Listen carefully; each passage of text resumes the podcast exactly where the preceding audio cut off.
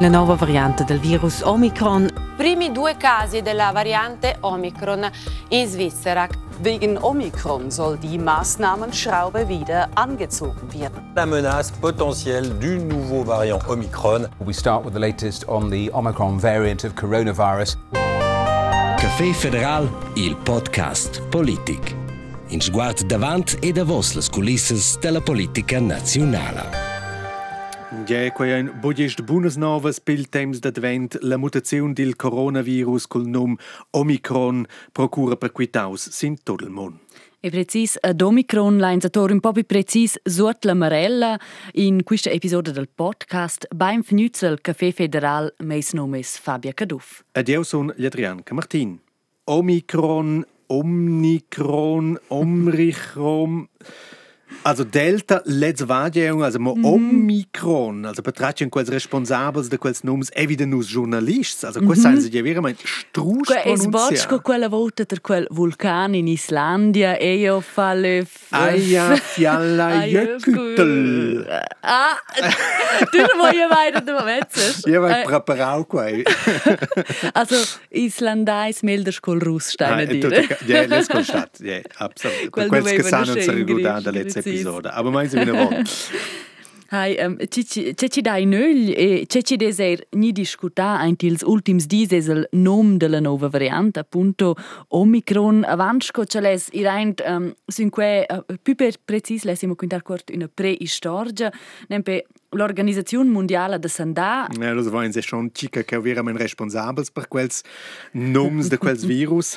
Eh? La WHO ha già ter bot cominciato a nominare nuove varianti del coronavirus de vol alfabet grec. Usce es vuole evitar che paesi o regioni vengano mis in connex con le nuove varianti de mutanti del virus. Ja, klar, ne gine tiara vol venir nominata gli antir temps in connex con un virus prigolus. Meta von che ves da Schweizer Variante variante ni o meglio in una engadiner variante eh?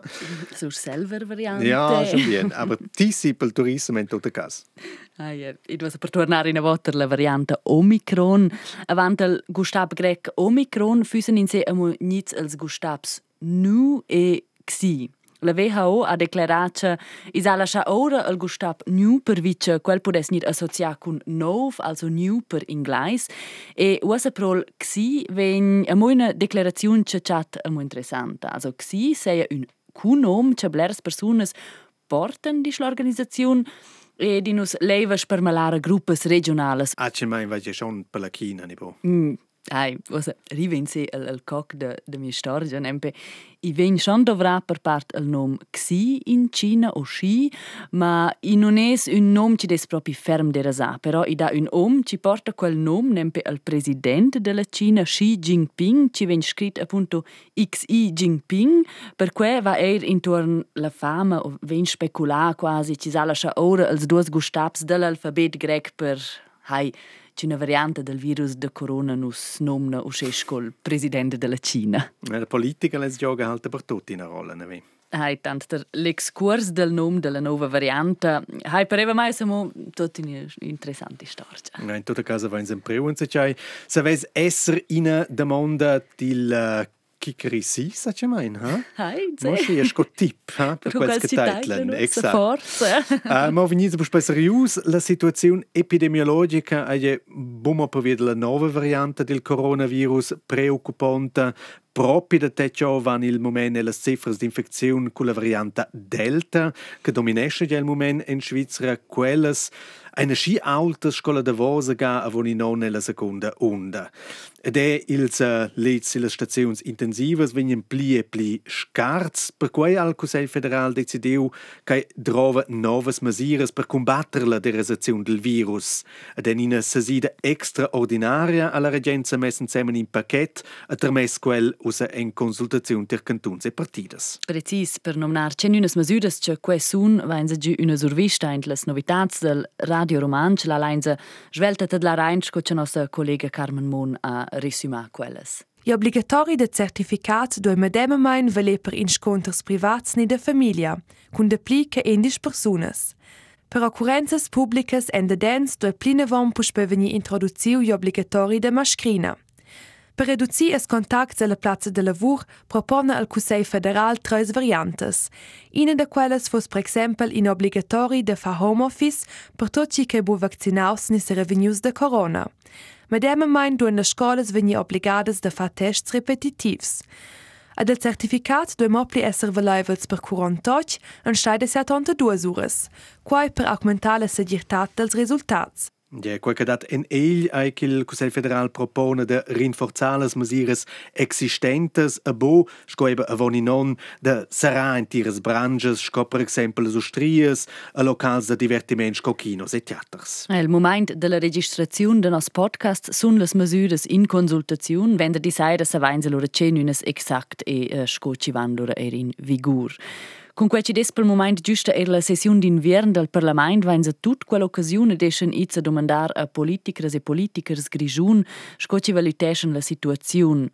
D'accordo, d'era nice is stonir a gia ci des bun sul Consiglio federal piglia der in man al management de corona e na ci continua con misure differentes de centun a centun. Also quei Flickenteppich che auch in sei schon odeu. Precise, in mince cas sun crodadas duas propostas dels consigliers dels stadis grigiuns, o scedis, per esempio, Stefan Engler dell'Allianza del Center, che al testar des der cionir bler più ferm ein til focus. Eu creio priorità o haver in uh, in sistema da testar la jaut, la jaut sto aver la possibilità uh, in, uh, in ritmo da duas ni tres des da da da far tests, che tests sto essere gratuiti con quel ci che serve all'intera comunanza sino alla garantia da quels tests. Also, vuol dire tests gratuiti er per persone che non sono vaccinate e non hanno sintomi? E noi siamo un po' salubere in quella situazione che da fare anche quelle differenze, il Davos vuole il benestare, per la sanità e per uh, il sviluppo economico uh, uh, della Svizzera. Uh, in quel senso uh, ons da fare certi compromessi. Hi Adrian, quem des osa um, a moda buonder, ce mania es tu de questa proposta als costs dels tests deren ja be giusta avant un per evnes tema, mm, il Consiglio federale ha decis de na più PR tests per surnir un certificat. Ja, che sono ja vina von del meine che quei era de let's temps li october e la dreccia decisione bumo per uh, motivs finanzials, also quels tests costavan de quei de 50 milions francs liamna aveva Consiglio federal Bersine ga dice di una conferenza de medias, mo e per motivare les uh, personas un bum vaccinadas de eba forse reponderà la decisione de forse eba tutina scha vaccinar. E scha quei ai halt luemo per spregna de nes. Ossa con la situazione precaria als spitals et Omicron, uh, che saves è un fa mender la situazione sunt io edelmeinig ins stosa che schon è un'inega reponderà quei forse schon un'inega marà che ins volo sa fa con quel test si fos da da puspai gratuitels. Mm -hmm. Ah, nu deren um, adina un po' different man meint mm -hmm. ci uh, per tema test, sia ne di de prim de venti o la tests gratuits per tots. Um, or da quel motiv ci va per la sanda pubblica quasi, also um, testar più bler co possibile, in cas ci ven città es po isolar più svels co possibile, quem es argumento, er els costs Claro, i costi extrem bler, oder 50 milioni levna, però se nu guardaina quanto il rest costa in connex con corona, è mm -hmm. giusto una, una piccola summa, ci rende però una bler, also i isolescha cas positivs. E clar, io c'è er più cool, c'è mincio in jazz e fes la vaccinazione e, e qua fis la soluzione, però la situazione nuosa mossa er c'è halt infectas, es po istes nir devo un per mais ci sa fat la vaccinazione. Giust per quei c'è importante il testar vegna mona volta più fermamente il focus. Aber io sono schon meine, il meglio halt una dina de de de fa la vaccinazione è scidato su quella nuova variante. Uh, la fin finale in test questo sembra buon da in test les protegge in sommerbo del virus ni. Also Absolut, bibeln vaccinar ave in cert in certa protezione che de fa test sind dir tems aber eben allgemein proteggius in der book. Mm -hmm. na quei mince cas. Also er appunto lei è un creatore dell'istessa ma ne meint per una volta. No um, appunto hai ed è difficile sco giro a me crei mm -hmm. quasi giro una misura ci contribuis al ci giudes Miraccio che c'è bella. Hai um, Che pensais vus sur de tests gratuits? General, sur de la situazione attuale es co che nu dessen ir in turn con quella, che mesures füssen ussa adequatas? E che nu na Gugent purais vus annunciar pro nus um, sun rtrberna.rtr.ch. Ja, con nus essen stai vi in Casa Federale hai un da una seconda proposta nominata mai il consigliere del stanza liberal-democratic Martin Schmid. El di che sa di ossa da fare una vone da libera la terza vaccinazione, quei booster, a quei independent, sin sa giù la seconda vaccinazione avons il Mainz, sis Mainz. International weiß man, dass die sechs Monatsfrist gar nicht notwendig ist, dass es sehr sinnvoll wäre, nach vier Monaten zu machen. Und ich glaube, das wäre der wichtigste Entscheid, den der Bundesrat jetzt müsste treffen, dass alle den Booster kriegen, auch nach vier Monaten, wo wollen. Äh, damit wir die Bevölkerung auch wieder motivieren, selber einen Beitrag zu leisten. Aber ich spüre bei vielen, die eigentlich möchten, und äh, da versagt der Staat, wenn er jetzt nicht einfach die Boosterimpfung für alle ermöglicht, die das wollen. E els experts della Confederazione han fatto attent ci sia usa important da far um, più blers boosters sco possibile, da dozzare il tempo da fare il booster. Questo è importante giusto guardare sulla situazione attuale ci des fitch fragile perché na dar liber già al booster per tutti. Adrian, precis con quella domanda avevas tu er confrontar al Consiglio federale e alla conferenza de pressa. Herr Bundespräsident Parmana, Sie haben die Bedeutung der Impfungen hervorgehoben, auch der Boosterimpfung jetzt in dieser Situation, wie wichtig dass diese jetzt sind. Trotzdem gibt es ja diese sechs Monate Regel für den Booster. Man darf vorher nicht geboostert werden, sozusagen. Müsste man jetzt in dieser Situation diese Regel nicht überdenken und die Boosterimpfung für mehr Leute zugänglich machen, die vielleicht eben noch nicht sechs Monate eine zurückliegende zweite Impfung haben? Oui, merci pour la question. La, situation est ainsi. Les études montrent qu'après un certain nombre de mois, avec la vaccination, vous avez une baisse du taux d'immunité, mais vous avez aussi une augmentation de risque de la transmissibilité du, du, virus, et particulièrement chez la catégorie des personnes en dessus de 65 ans. Là où naturellement la logistique est là, s'il y a des personnes qui hésitent malheureusement dans cette classe catégorie euh, d'âge à le faire, c'est clair qu'il faut ouvrir la possibilité euh, aux personnes euh, à partir de 6 mois. Dans certains pays, on parle même de 4 à, à 5 mois. Actuellement, en Suisse, la recommandation est de 6 mois. Peut-être que c'est au niveau des spécialistes du, de l'Office fédéral de la santé publique de donner les précisions. C'est vrai que dans certains pays, on parle de 4 à 5 mois. Monsieur Matisse. Ja, wenn wir nur Delta hätten, dann wäre wahrscheinlich die Ausführung, dass man sechs Monate gut geschützt ist, ähm, auch gut geschützt ist, so wie es der Herr Bundespräsident gesagt hat. Die einzige Wahrheit jetzt kommt Omikron. Äh, die Frage wird natürlich sein, nützen Boosterimpfungen allenfalls? Noch etwas. Ähm, das sind jetzt Fragen, die wir aufnehmen müssen, aber so wie es der Herr Bundespräsident gesagt hat, in Bezug auf Delta und die Bewältigung von Delta ähm, braucht es keine Verkürzung in Hinblick auf die Bewältigung oder Verhinderung möglichst lange von Omikron. Sind das sicher alles Fragen, die wir jetzt in den kommenden Tagen und Wochen diskutieren müssen? Ja, minche ton ein las rispostas del Conselho Federale dell'Amministrazione Federale Pilile Ungas che las demandas a conzon cun Pipauk contegn. Uh, also ves pia bain esser che quei embargo da sis mains co vain so deus che quel se ves vini reduceus in todo cas ai giù il sentiment che il BAG che signor Mattis masca bugen in quella direzione mm -hmm. vertone per il Consiglio federal let's pare è un de volé spicciaintic. In das Podcast ha io il slogan es pochen un slogan. No, jetzt also die Motto. Motto, slogan. Anyway, un sguard davant e da volas culisses della politica federale e quel sguard da volas culisses quels leinza usa far, um, quasi scolcenus lavurainza, schel cusal federal riva giusta in un casco quia da voi una seziuda extraordinaria. Io meniai, usa da sper als telefons de nos collegas della redazione queira ci domandan cura vegna il Consiglio federal, se vai so a cura. mm, exakt. Also, also per essere clars, nus vain ebo sche insomma uh, schel ven lue cu che il Consiglio federal vegna fa una conferenza de medias. Tu non sul vench in gens SMS de, de Parmele. Ci SMS per SMS de Parmele? Scherz. ok.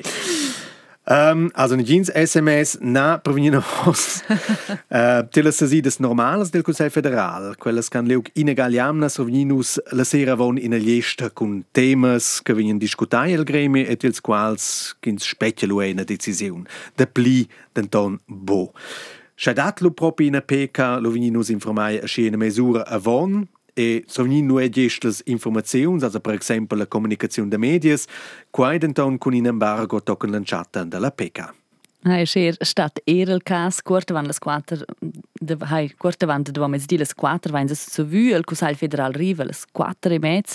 C'è ci vol per nus lura dir un po' action per se nostra emissione comincia alle 5 e con questi des il top tema ven quel naturalmente scoprim nem per le 5 des o se ci nus vainza per ti su quel se ci tu Adrian e sti gio alla conferenza de pressa e io son um, restata in bureau e ne perseguitata qua da ven la conferenza per poter loro scrivere il text e resumar il più importante e dirsi le mitur per le 5 des. Also, ich meine, die eras si le mitur a una vonca la stat alla fine, ne? In sé schon, hai.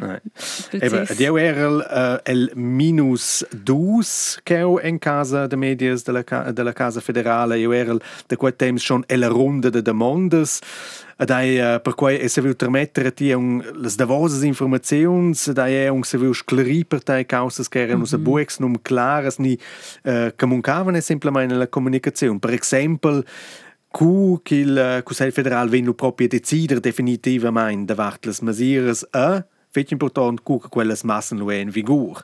E mo per evitar mal capienches, eh? also bo il Conselho Federal di nus tjai demandas che nus duain ni schein fa uh, adel quei asche sai mein Motiv Fabia.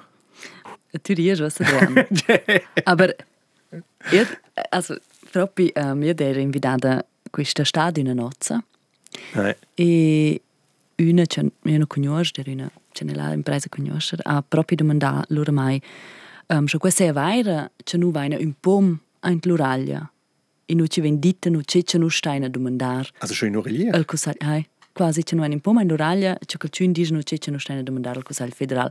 Bruserius? Io da lei non sapevo più che dire, pensavo, è proprio che c'è la liot craia che non sta a fare domande. Also, Beper sclarirque nu podem domandar ce ce nu laina e nu domandainer ce ce laina e um, Ah, ja, kaj l'exempel, ki vai kun zven giu, ki ok videl booster musa, uh, eh, retenienčes dati, ki unedina, zebo te nos kolegas, uh, in vez entig vid las uh, rispostas del Conselho Federal, also si fosse tot organisau et uh, planisau da von fossen las rispostas e biapi curtas. et uh, bien del continuen eu forse bu biapi bia, aber uh, in tutte cas na. Non vain in giun poma in l'Uralia non potendo mandar cece nulaina. Absolut. Um, Venin se una gana vos tir Omikron. Schon da dit de fa con quai Omikron a Thomas Stutz. El non es politiker o biolog o virolog e totuna ha el di per di de far cun virus ma con quels electronics. El es el chef de la firma Omicron SA a Wallisellen de Sperturic, una enterprise ein til sector de la giurezza de cyber. Adrian, tu has telefonato con Thomas Stutz. Um, co ha el reagi curcella da di la prima volta della variante del coronavirus col l'istess nom scosi enterprise? Also una grande sorpresa sei questa bustau perel. E l'agi schon se viu che la WHO hagi uh, decidiu de dovra l'alfabet grec per nominare las variantes del coronavirus e con quai che sia efficiente porta o se inagar il nom Omicron alle schminau che questa vessi lo tutto nor in di lo da de cincia a cucche lo proprio stau a lunch sai lo tutti in staus un pau sur staus al tradionies diskurs. Sehr direkt kann ich mir sagen, ich habe es verpasst. Also ich bin einer, der eigentlich gerne ein bisschen proaktiv ist, in dem Marketing, marketingmäßig etwas macht. Wir sind ein kleines Unternehmen und von dem her habe ich gedacht, mal, jetzt wird sicher etwas abgehen. Und dementsprechend ist es auch gewesen und es ist etwas abgegangen. Und es geht immer noch etwas ab. Das war der erste Gedanke, den ich, den ich hatte. Ed el non es preoccupato che potesse avere un effetto negativo tutto in or? Apparentemente bo. Insomma, sei quelle in a casualità che porti nel medem num sco quel virus. In avantage agi denton il fac che il num Omicron sa usa a sci presenz e medias di Thomas Stutz. obwohl es uns schon 26 Jahre gibt und national, international unterwegs sind, hat es einfach immer wieder Firmen oder Personen, die einfach den, den Namen falsch aussprechen. Und von dem her habe ich mir sagen, ja, jetzt wird es in aller Munde sein und das müssen wir nicht mehr thematisieren. Und das findet auch jetzt momentan die letzten paar Tage äh, immer wieder statt, oder? Dass man gar nicht mehr muss sagen, wer wir sind, sondern wir können sagen, ja, wir gehören zu den Schlagzeilen. Also già un po' reclama. Ja, sind sie schon nicht die ersten. Es dipende dann schon nicht C'è che bedia ossa vina von per esempio eben con malsegire quella versione del virus ai losa proprio äh, da quai Thomas Stutzen tramen e percharts ich weiß jetzt auch nicht, was, was alles noch passiert. Und wir werden dementsprechend einfach reagieren. Ich bin auch schon angesprochen worden, ob ich den Firmennamen nicht, nicht nennen. Und ich musste sagen, nein, ich mache es definitiv nicht. Wir haben so, über so viele Jahre sehr viel Marketing, also sehr viel Marketing. Wir sind ja nicht ein großes Unternehmen, wir sind 21 Leute. Aber, aber wir haben sehr, sehr viel Energie und Geld investiert, dass wir überhaupt bekannt werden mit unserem Namen. Und jetzt ist es sicher sehr viel einfacher, das Ganze. Per sia enterprise a quel hype sgiura d'una part una feta de reclama, dall'altra part però er il risc che il nome vegn lura colia con um, malattia, con patire, con mm. mort, schon einmal heikel. Mm. Ja, in, insomma, bu simpel. Also probabile la situazione da sia firma usa un po' da comprare con la marca da birra del Messico con Corona e che ho dato un po' quella ambivalenza per quei bier, di quella biera, da quei hai Thomas Stutz e per Charts hai giù sentito durante il discorso, per el also per quei è stato fetch important, kins fetch che una clara differenza. Wir machen IT-Sicherheit, das ist das, was wir machen seit vielen, vielen Jahren. Und wir versuchen, Firmen, Unternehmungen in diesem Bereich zu schützen. Wir haben nichts mit Corona zu tun, überhaupt nichts. Und es tut mir leid für alle die Leute, die krank werden oder eben auch leider schon gestorben sind. E con questo è già alla fine del podcast. Ci avester ciao von non che il coronavirus ficenta nus e questo advent talamain, mo malgrad tutte le sliatas novas e la situazione tendida, già vigiai nus avus in bi e ruosaivel temps d'advent. E doravant tot er blera e buna sandà per vus e vos confamiliars, um, nus ans dodina lura der ciò ein til lon nov. Stai beinin. Caffè Federal, il podcast politic. Questa ni altres episodes pudais vus tatla sin Play RTR.